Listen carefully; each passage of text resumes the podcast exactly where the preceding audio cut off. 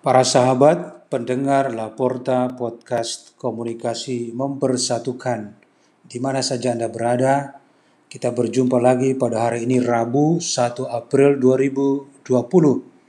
Di tengah situasi masih mewabahnya COVID-19 ini, saya ingin menghadirkan sebuah refleksi yang dapat kita jadikan sebagai reminder bagi kita pribadi maupun kita bersama.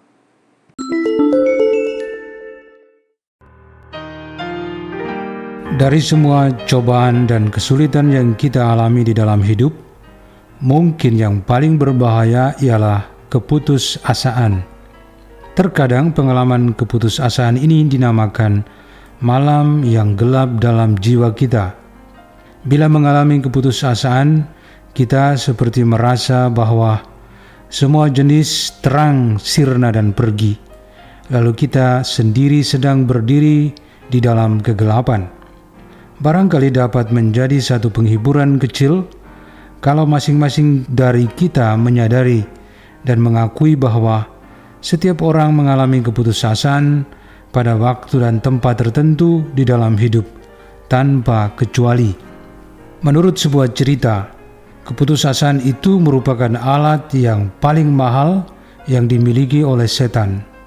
Alasannya ialah bahwa ketika kita manusia jatuh dalam keadaan putus asa, kita menyerah, hilang harapan, pikiran dan perasaan beku, tidak lagi peduli dengan Tuhan atau agama, atau menjadi orang yang baik.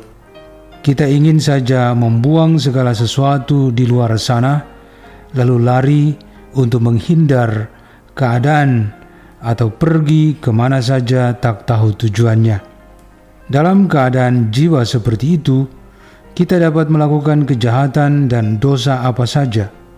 Kita itu menjadi seperti tanah liat basah di tangan setan untuk dibuatkan apa saja sesuai dengan keinginannya.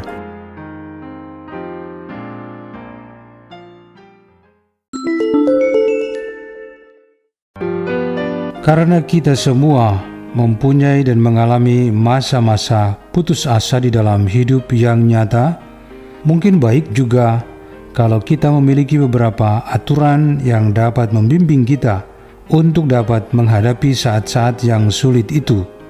Pertama, ingatlah selalu bahwa masa-masa putus asa itu biasanya singkat.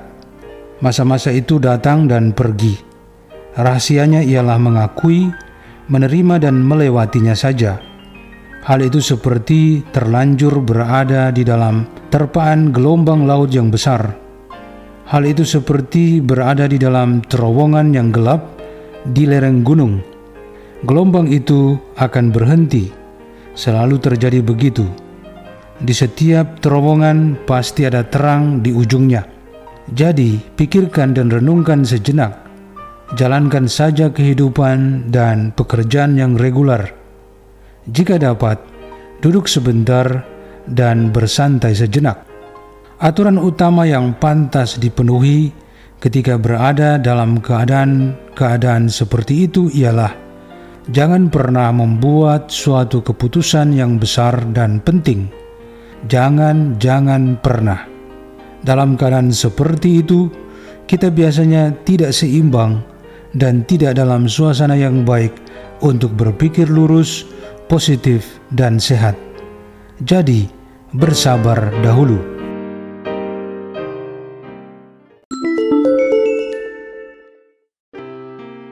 Yang kedua, hal yang kemudian dilakukan ialah pergi dan berbicara dengan seseorang yang dipercayai. Kepadanya cukup dikatakan atau dibagikan apa yang ada dalam pikiran cukup mengeluarkan masalah dari dalam diri, sering dapat menjadi suatu solusi. Hal itu seperti mengangkat atau memindahkan sebuah batu ceper, dan seketika itu juga semua serangga atau binatang melata lainnya melarikan diri karena mereka tidak suka diterangi oleh sinar yang terang. Kadang-kadang Allah berada di dalam tempat tersembunyi di dalam diri kita ketika jiwa kita dalam keadaan gelap, sama dengan seorang ibu yang sengaja bersembunyi dari anaknya yang kecil karena ibu itu ingin diperlukan dan ingin supaya anaknya itu datang untuk mencarinya. Mungkin inilah caranya Tuhan untuk membuat kita merasa bagaimana kita sangat memerlukan dan bergantung padanya. Hal ini adalah pengalaman yang sangat berharga dan tak pernah sia-sia jika kita mengikuti hal-hal yang telah disebutkan di atas.